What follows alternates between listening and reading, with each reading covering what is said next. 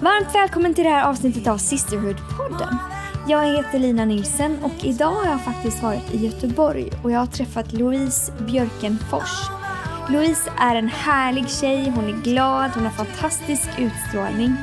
Och när man ser henne nu så kan man absolut inte tro att hon hade en otroligt tuff tillvaro när hon var yngre.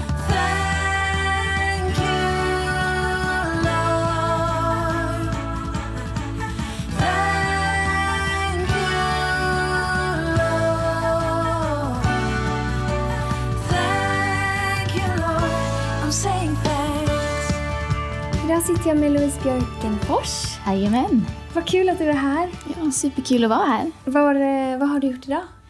Idag har jag inte gjort så jättemycket än. Har... Det är morgon fortfarande. Ja, det är morgon. Jag har ätit frukost och jag lyssnat på en predikan och förberett mig för det här. Bra morgon. Ja. Har du någon morgonrutin annars? Jo, men det har jag ändå. Eh, jag är ganska morgontrött, men jag brukar börja med att gå upp och att eh, dricka lite kopp kaffe. Sen så sitter jag och gör ordning mig samtidigt som jag lyssnar på en podcast, en predikan eller så. Mm. Innan jag ger mig iväg till skolan. När drog du ditt första andetag? Det gjorde jag i eh, Mölndal, här i Göteborg. Om du skulle beskriva dig själv med tre ord, vad skulle du säga då? Jag skulle säga att jag är väldigt organiserad. Eh, jag är en dagdrömmare. och eh, kreativ. Om du är ledig, vad vill du göra då? Sova. en sovmorgon, det älskar jag. Som sedan blir till en eh, pannkaksfrukost med mina roommates Alicia och Matilda. Mm. Och Delar ni lägenhet? Ja, precis. Det är ett kollektiv. Och sen så träffar jag vänner, hittar på någonting, drar en spontan roadtrip eller någonting. Det leder av för mig. Ja, vad härligt. Vad får du att skratta då? Jag skulle säga att jag är ganska lätt till skratt. Så det är ofta mina vänner. Men också mina syskonbarn. De får mig väldigt enkelt att skratta. Hmm. Hur ser din familj ut? Eh, den består av mig, som är yngst. Eh, jag har en extrem så kallad sladdis. Ja. Jag har en eh, syster som är 14 år äldre än mig. Som har man och barn. Och sen har jag en bror som är 17 år äldre. Med fru och bebis. Sen är det då eh, mamma och pappa. ja. Ja, du är verkligen en sladdis. Ja, det kan man säga. Vad gör du på dagarna? Eh, jag pluggar på heltid till eh, projektledare eh, med inriktning evenemang och marknadsföring. Så det gör jag här på Yrkeshögskolan i Göteborg. Hur kommer det sig att du började göra det? Det, det är bara Gud. Det är bara Gud. Eh, så jag kom tillbaka till kyrkan så har jag varit väldigt engagerad i youth och som ungdomsledare. Jag har väldigt mycket praktiskt ansvar och fått med och med planera och projektleda våra möten och sånt. Och även jobbat mycket grafiskt och inom sociala medier för youths kanaler. Mm. Och sen snubblade jag över den här utbildningen på nätet och kände att det här är någonting för mig. Så jag sökte och kom in. Vilket också är väldigt roligt för att eh, yrkeshögskolor de går inte på betyg eller högskolepoäng eller någonting som många andra utbildningar gör. Utan de går på erfarenhet i branschen, gärna flera års erfarenhet. Ja. Och all min erfarenhet jag hade var från kyrkan. Så att jag kom in och är yngst i klassen. Så det är ganska roligt. Vad häftigt. Hur gammal är du? Jag är 23 år. Hur länge har du pluggat? Jag har gått eh, ett år och nu har jag två månader kvar innan det är dags för ett halvårs praktik och sen är jag klar. Vad kul. Ja, Tycker du om att plugga? Jag gillar mer praktiskt än sitta och läsa och sånt. Jag har aldrig haft särskilt bra pluggfokus. Men praktiska uppgifter gillar jag. Mm. Hur var det när du växte upp? Tyckte du om skolan då? Verkligen inte. Ja, för det första då har jag aldrig varit ett pluggsnille. Jag har alltid fått kämpa mig väldigt mycket fram till att få medelmåttiga betyg. Eh, och sen har jag haft svåra matteproblem som har förföljt mig hela livet. Eh, men sen när jag var yngre så hade jag väldigt mycket problem med mobbning och väldigt ont om vänner. Så att skolan har verkligen inte varit en favorit. Om vi bara ska ta själva ämnena som du säger att du har svårt med matte eller svårt med att få bra betyg. Hur påverkar det ditt självförtroende? Extremt mycket. Jämför du dig med andra? Eller var det mer att du bara kände dig misslyckad? Eller? Jag jämförde mig extremt mycket med andra. Eh, önskar att jag hade andra förutsättningar önskar att jag kunde vara lite smartare och att jag hade bättre betyg. Så det, det var väldigt jobbigt. Och mobbingen då? När började den? Den började i första klass när jag var sju år. Pågick i två och ett halvt år ungefär. Hur började det? Eh, det började lite successivt. Jag eh, var väl ganska exkluderad. Det ökade. Um, var det så att du inte fick några kompisar när du började skolan? Jag fick Eller? ändå det i början, men sen blev det ganska grupperat. Och så var det väldigt mycket det här att jag, jag fick inte vara med. Jag fick inte vara en del av gänget. Um, och sen så... Så det var ju psykisk mobbning, men sen kom ju också lite mer fysiskt. Då jag blev inlåst på toaletten, eller jagad hem från skolan, eller till och med någon gång nermulad av snöbollar. Så det var på den nivån. Hur såg en skoldag ut för dig? En typisk skoldag? En typisk skoldag började först och främst med att jag försökte övertala mamma att jag inte var tillräckligt frisk för att gå till skolan. Eh, men hon synade ofta min bluff. Även om jag ansåg att jag var expert på att skolka som nioåring. Mm. Eh, men jag kom till skolan med tunga steg. Med en klump i magen, ofta ganska nervös för jag visste aldrig hur skolan skulle sluta. Det var ju lektioner som vanligt. Och på rasterna så satt jag ensam på en bänk ute på skolgården oftast och kollade på medan alla andra lekte. Och det var inte så att jag inte försökte utan jag frågade ofta om jag fick vara med men jag fick helt enkelt inte. Eh, och sen när det var dags att gå hem då, då, då var det snabba ryck som gällde. Det var att packa ihop sina grejer snabbt och klä på sig kläderna och springa hem. För jag inte visste ifall de andra skulle springa efter mig eller inte. Så det kom ju till den punkten att eh, mamma fick börja möta mig varje dag när jag slutade. Hon var hemma på dagarna vid den tiden så att hon kunde göra det. Och hade jag tur så kunde jag till och med ibland bli hämtad med bilen. Och då kunde jag ha ett helt annat fokus i skolan, för då hade jag ett helt annat lugn. För då visste jag att då skulle jag åt ett annat håll efter skolan, för parkeringen låg åt andra hållet. Och då kunde jag till och med ha på mig lite finare vardagskläder, för jag inte var orolig att de andra skulle förstöras. Ifall jag skulle bli nedbrottad eller så. Så var det så att du satt på lektionerna och funderade på hur det skulle bli eh, på rasten eller på efter skolan? Mm, större delen. Jag var så nervös. Hur började det? Kommer du ihåg, var det en person som var liksom leds, ledare och drev på det? Eller hur kan du se liksom nu i efterhand hur det, hur det formades? Det var alla lite mer kanske en som drev på och fler raka på. Grabbarna var alla de som mer det fysiska. Liksom, med att jaga och allting sånt. Medans, så det var både killar och tjejer? Ja. Medan tjejerna var med det här psykiska med att jag bara inte fick vara med. Det var inte så att de gjorde någonting så sett mot mig utan det var bara exkluderade. Men grabbarna, de var jobbiga. Var det någon vuxen som, som visste om det här? Jag tänker du säger att du satt ensam på en bänk i sko på, på rasten gjorde de andra lärarna? Såg de dig? Försökte de göra någonting åt det? Eh, jag har ju alltid haft känslorna utanför min kropp. Jag har aldrig kunnat dölja vad jag känner. Så att de var medvetna. Mina föräldrar var mycket väl medvetna. Och det var mycket samtal med min lärare. Men kommunikationen verkar aldrig komma fram där. De ansåg mer att jag hade mig själv att skylla som satt själv på rasterna. De såg nog inte att jag faktiskt försökte. Ehm, så att det blev inte så mycket mer med det. Och det resulterade då att jag bytte skola till slut efter två och ett halvt år. För det var för tungt helt enkelt. Hur berättade du för dina föräldrar första gången? Eh, de märkte att jag kom hem och var ledsen. Och allting bara bubblade upp liksom. Så att mamma hela den alltid ventilerat väldigt mycket sånt med.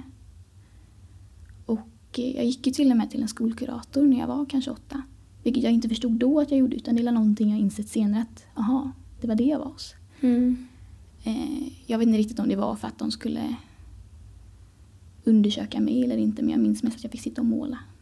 Och att det inte gav så jättemycket kanske. Men ja. Hur påverkade det dig och din syn på dig själv? Tänkte du att det var något fel på dig? Eller tänkte du att det var något fel på dem? Mestadels mig. Jag funderar mycket på vad jag har gjort för att hamna i den här situationen. Och varför mina förutsättningar inte såg annorlunda ut. Eh, jag började ju jämföra mig extremt mycket med speciellt de andra tjejerna. Eh, och ja, jag undrar varför jag inte kunde ha det bättre. Varför just jag? Dagdrömde mig bort väldigt mycket till att det såg annorlunda ut och till att jag var en tjej som hade extremt mycket vänner. Det gjorde jag. Du sa att du inte ville ha så fina kläder på dig för att du inte ville att de skulle bli förstörda. Mm. Eh, hände det ofta att det blev fysiskt? Inte jätteofta, men jag hade ju alltid rädslan där. Mm. Men det var just det att jag sprang hem. Jag skyndade mig så mycket som jag orkade. Och ja, då kändes det bättre att ha oömma kläder på sig ifall. Mm. Så jag planerade där i huvudet förväg liksom. Hur blev det när du började på ny skola sen? Eh, det gjorde jag när jag var tio år och skulle börja fjärde klass. Det, jag fick vänner direkt. Och jag blev en helt ny Louise. Eh, jag tror alla i min omgivning märkte väldigt mycket på mig att det var en glad Louise som faktiskt med lätta steg kunde åka till skolan. Och jag fick så mycket vänner och jag var aldrig ensam. Wow. Ja, Insåg du då att det inte var fel på dig? ja mycket. Men sen är det ändå sådana tankar som har förföljt en. Mm. Hur påverkar det dig och din syn på dig själv? Väldigt mycket. Jag har ju sett ner på mig väldigt mycket. Tänkt att jag inte är tillräckligt bra. Och som sagt då jämfört mig väldigt mycket med andra och önskat att jag såg annorlunda ut eller att jag kunde det där eller var bättre på någonting. Eftersom jag aldrig riktigt förstod varför det var just jag som var utsatt för mobbningen. Om det var på grund av att jag var väldigt blyg eller att jag hade rött hår eller... Ja, det var aldrig någon så klarhet i varför just jag. Sa de elaka saker till dig? Och vad kunde det vara för saker i så fall? Nej, det var mest att de kunde rimma på mitt namn. Eller ifall om min mamma hade pratat med någon klasskompis föräldrar kvällen innan och berättat någonting som har hänt så blev jag kallad för tjallare. Och då blev det lite Mm. värre igen. Så det var inte så mycket smeknamn så sett. Nej, det var heller inte, som du säger, det var inte lätt att veta vad det berodde på. Nej, lite så. Så att just därför antagligen tankarna. Jag klankar ner på mig själv väldigt mycket. Så blev det någonsin bättre på den skolan eller var det så att du fick, var tvungen att flytta för att det skulle, eller byta skola? Jag bytte skola helt enkelt. Det blev aldrig bättre. Det hände ju ingenting och skolan gjorde ju inte någonting för att hjälpa mig tyvärr. Så att det var skönt att komma iväg därifrån. Har du varit tillbaka på den skolan där du gick och där du blev mobbad senare? Jag har inte varit i skolan. Men den ligger inte jättelångt ifrån där mina föräldrar bor. Så klart man har gått förbi den. Hur känner du när du, när du ser den? Eh, ofta har jag gått förbi fort. Ja. Men den är ju relaterad till jobbiga minnen. Men det var ju också väldigt länge sedan. Och jag har ju verkligen jobbat på att släppa det. Mm. Kan du förlåta dem?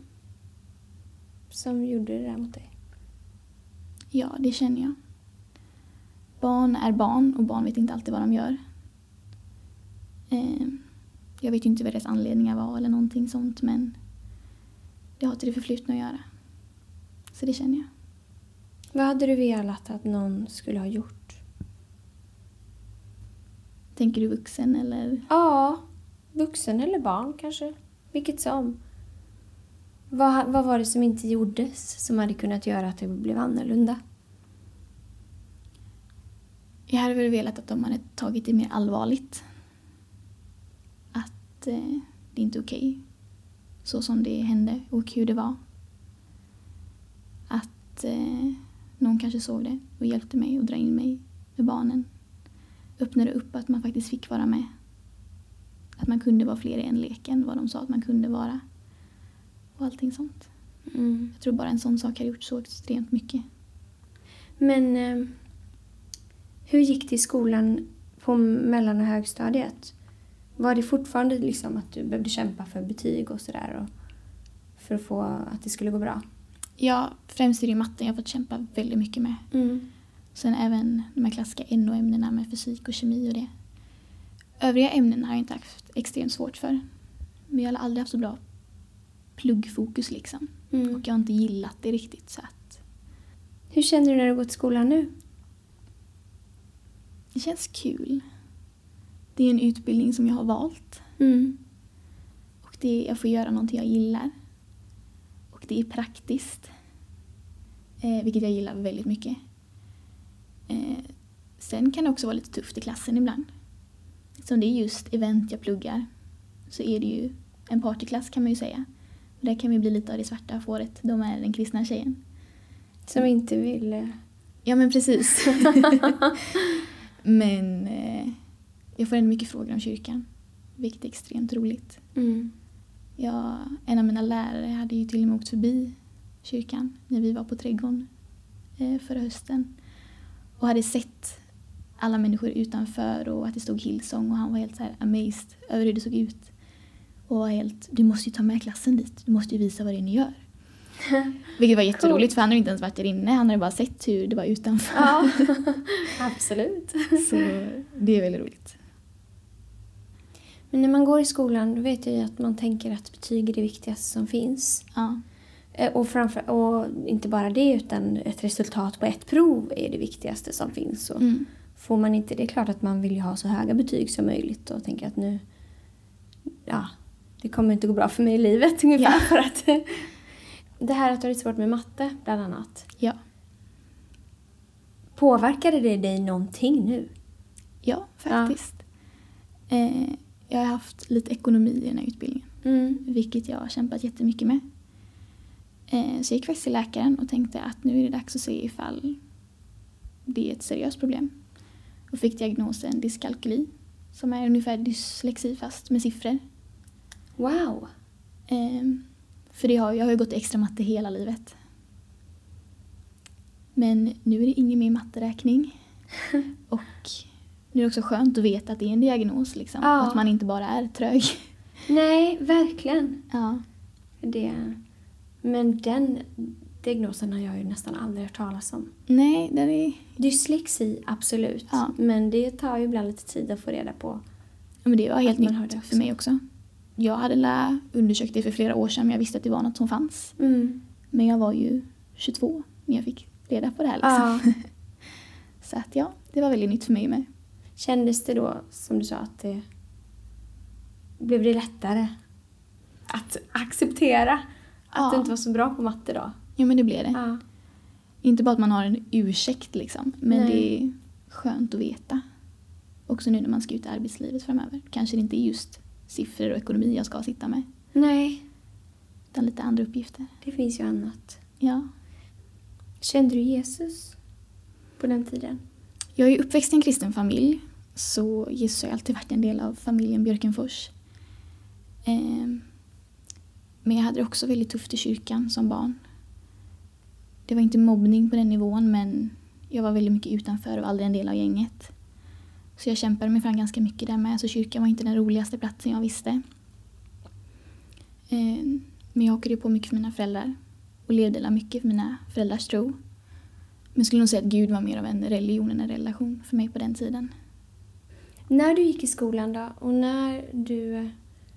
När din familj ändå trodde på Gud och hur kände du? Kände du någonsin att han var med dig? Eller påverkade han- Jesus ditt liv på något sätt? Jag fick ju ändå lite musik inom kyrkan. Och det älskar jag ju. Att jag fick sjunga och fick vara med på scenen och allting sånt. Ehm, men han kändes väldigt långt borta då tyvärr. Så jag önskar att jag hade känt mer av att han var med mig än vad jag gjorde. Men det är väl ofta att min faster som är en riktig bönekvinna kunde komma fram och bara jag ber för dig, jag ber för det här i ditt liv och det, det kändes väldigt tryggt. Mm. Hade du någon tillflykt? Om inte skolan var inte det, kyrkan var inte det. Var det hemma då som du trivdes eller så att du tänkte på, på skolan där också? Min tillflykt på den tiden var musiken. Jag var väldigt engagerad i kulturskolan och spenderade flera dagar i veckan där då jag sjöng och spelade fiol. Så det, det var det bästa jag visste. Det var musiken. När lärde du känna Jesus då? Mm, det blev la... Jag blev tonåring sen. Jag testade på lite andra kyrkor när jag blev lite äldre. Men kände mig aldrig riktigt välkommen någonstans. Så det var la först efter jag hade konfirmerat mig som jag gav upp helt enkelt. Jag orkade inte längre. Och då gjorde jag väl allt annat än hänga i kyrkan. Jag umgicks mycket med människor med kanske inte så bra inflytande över mig. Eh, upptäckte det här med killar och gick igenom en drös pojkvänner som inte heller var så jättebra för mig. Hängde mycket på metal och punkspelningar med svåra människor. Mm. Eh, sen var det när jag var 17 så blev jag, blev jag medbjuden på ett ungdomsmöte här i huset av en tjej jag hade konfirmerat mig med. Och eh, jag följde med. Jag undrade verkligen var jag hamnat. Alla var så glada och det kändes så bra. Jag kände glädjen smitta av mig. Jag är så här, I den här kyrkan jag är i. Mm. Och var, jag kände bara wow. Så då började jag följa Connect Church som vi var då innan vi blev Hillsong på sociala medier. Men sen, eh, sen blev det inte så mycket mer. Jag fortsatte med mitt. Sen var det när det var dags för mig att ta studenten. Och jag funderade på vad jag skulle göra till hösten. Och då var det enda som kom upp i mitt Instagramflöde, det var bibelskola, bibelskola, bibelskola. Och då minns jag, då sa jag till Gud att okej, okay, jag väljer att ge kyrkan en sista chans innan jag lämnar allt som har med kristen tro för gott. Så jag började och sen dess har jag varit kvar. Jag har varit planterad här i huset. Så det var då jag kom tillbaka och verkligen fick lära känna Gud och få min egna relation. Hur förändrade det dig? Eller hur förändrade det ditt liv? Att du fick en egen relation med Jesus? Jag blev än en gång en helt ny Louise. Mm. Eh, jag kände mycket glädje. Jag kände att jag fick byggas upp som människa. Och eh, jag var omgiven av människor som trodde på mig, som uppmuntrade mig och som stretchade mig. Så att, eh, ja, jag fick ett ljus liksom i livet. Jag fick en mening med livet. Men varför ville du lämna kyrkan eller det kristna livet för gott? Där innan du valde att gå bibelskola? För jag kände mig så trött på att försöka. Att försöka trampa mig in och fortsätta känna mig exkluderad. Att jag aldrig riktigt kände mig välkommen. Och att det var inte så roligt att få vara ensam på ungdomssamlingar eller sådär.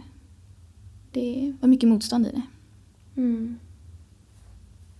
Jag har blivit besviken så många gånger och jag var trött på att bli besviken. Hur tror du att det har påverkat dig?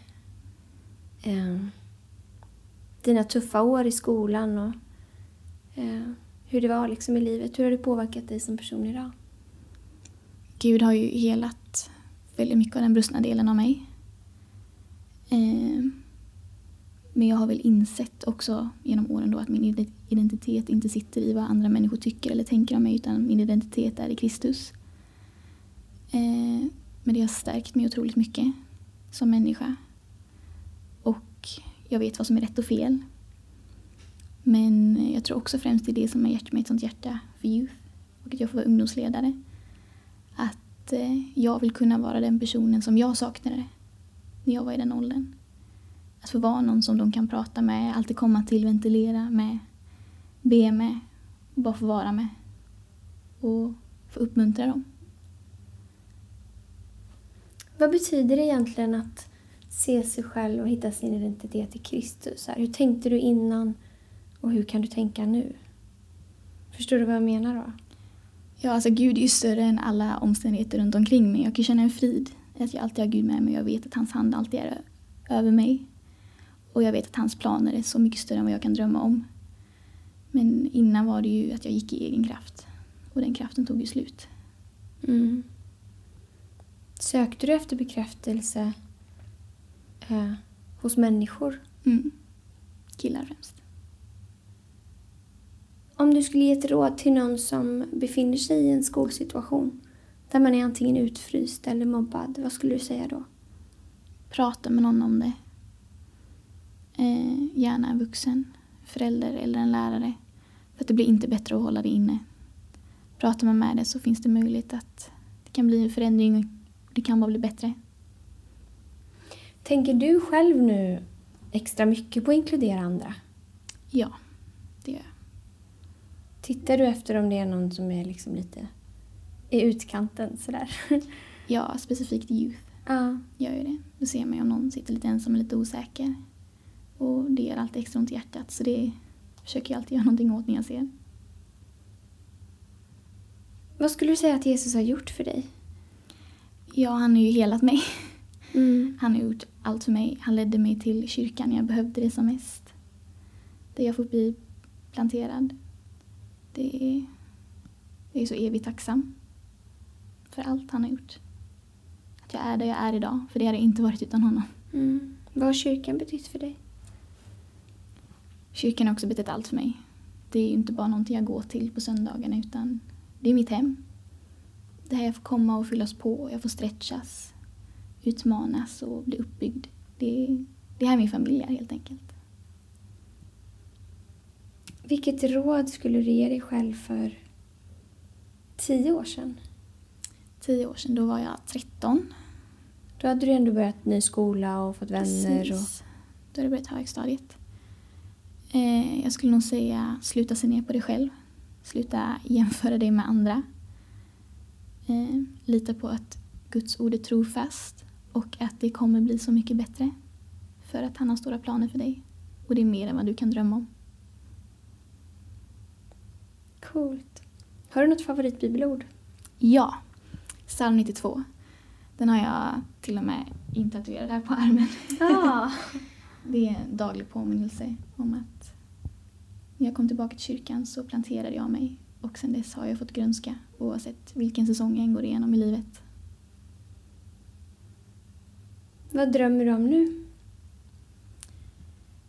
Jag drömmer om att få göra en skillnad för just unga tjejer. Jag har inte kommit på hur än, men jag vill kunna få hjälpa till att uppmuntra och uppbygga tjejer. Och hjälpa dem sluta se ner på sig själva. Det drömmer jag. Tack så mycket för att du var med på Sisterpodden. Ja, tack själv. Kul att komma. Väldigt kul. Ja. Tyvärr är ju inte Louise berättelse helt unik. Att gå i skolan är inte alltid helt oproblematiskt. Och det är så otroligt mycket som kan påverka självförtroendet. Allt ifrån kompisar och raster till ämnen och betyg.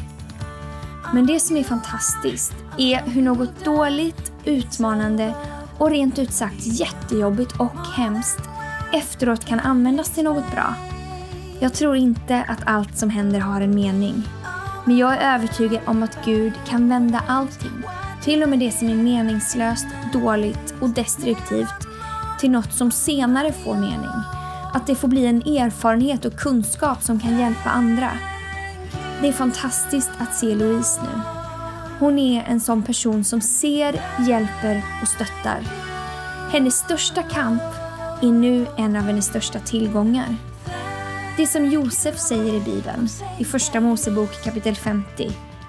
Det ni avsåg var ont mot mig, men Gud förvandlade det till något gott för att göra det som nu har skett och för att rädda många människors liv. Vad har du gått igenom som kan hjälpa andra?